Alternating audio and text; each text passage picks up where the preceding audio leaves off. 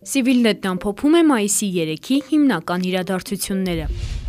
Այսօր ազգային ժողովի հատուկ նիստում մեկ կողմ 3 դեմ եւ 75 ձեռնպահ ձայներով Նիկոլ Փաշինյանը վարչապետ չընտրվեց։ Երկրորդ անգամ վարչապետի ընտրության հարցը ազգային ժողովում կքննարկվի մայիսի 10-ին։ Ազգային ժողովը հատուկ նիստում քննարկում էր վարչապետի ընտրության հարցը։ Հունիսի 20-ին արտահերտ ընտրություններ անցկացնելու որոշումը կյանքի կոչելու համար Նիկոլ Փաշինյանն ապրիլի 25-ին հրաժարական էր տվել Հայաստանի վարչապետի պաշտոնից։ Գործող սահմանադրությամբ խորհրդարանական արտահերտ ընտրությունների անցկացումը հնարավոր է միայն այն պարագայում, երբ վարչապետը հրաժարական է տալիս եւ խորհրդարանը երկու անգամ վարչապետ չի ընտրում։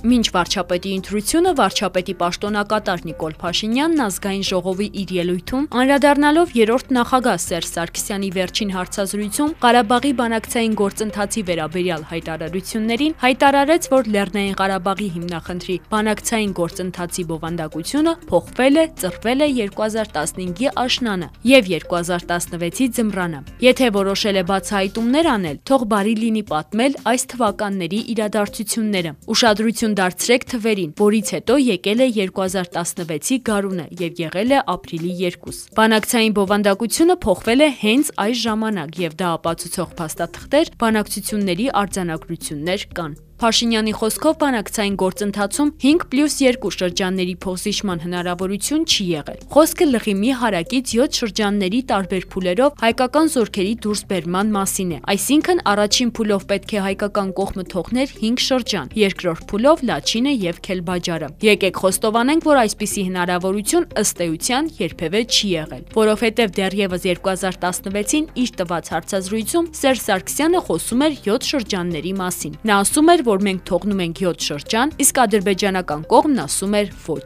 ասաց Նիկոլ Փաշինյանը։ Նա նշել է նաև, որ Ադրբեջանը երբևէ չի ցանկացել խաղաղ ճանապարհով լուծել Լեռնային Ղարաբաղի հիմնախնդիրը։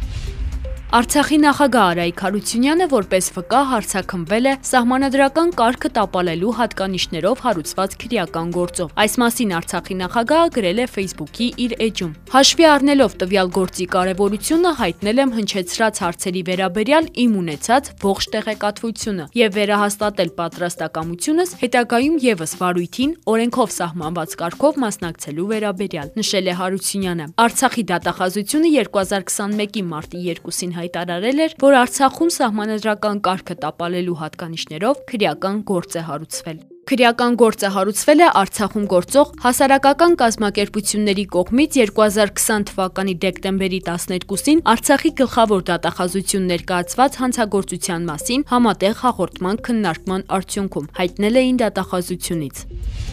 Մայիսի 1-ի դրությամբ Հայաստանում կորոնավիրուսի դեմ պատվաստվել է 4221 մարդ։ Տեղեկությունը Civilnet-ին հայտնել են առողջապահության նախարարությունից։ Մինչ օրս Հայաստան է ներմուծվել 24000 տեղաչափ AstraZeneca պատվաստանյութ։ Հետագայում երկու խմբականակով ներկրվել է Sputnik V։ Առաջին խմբականակը 15000 տեղաչափ 7500 մարդու համար, երկրորդ խմբականակը 14000 մարդու համար։ Մայիսի 1-ին Չինաստանը Հայաստանին որպես նվիրատվություն տրամադրել է COVID-19-ի դեմ կորոնավակ պատվաստանյութը 100 հազար տեղաչափ 50 հազար անձի համար։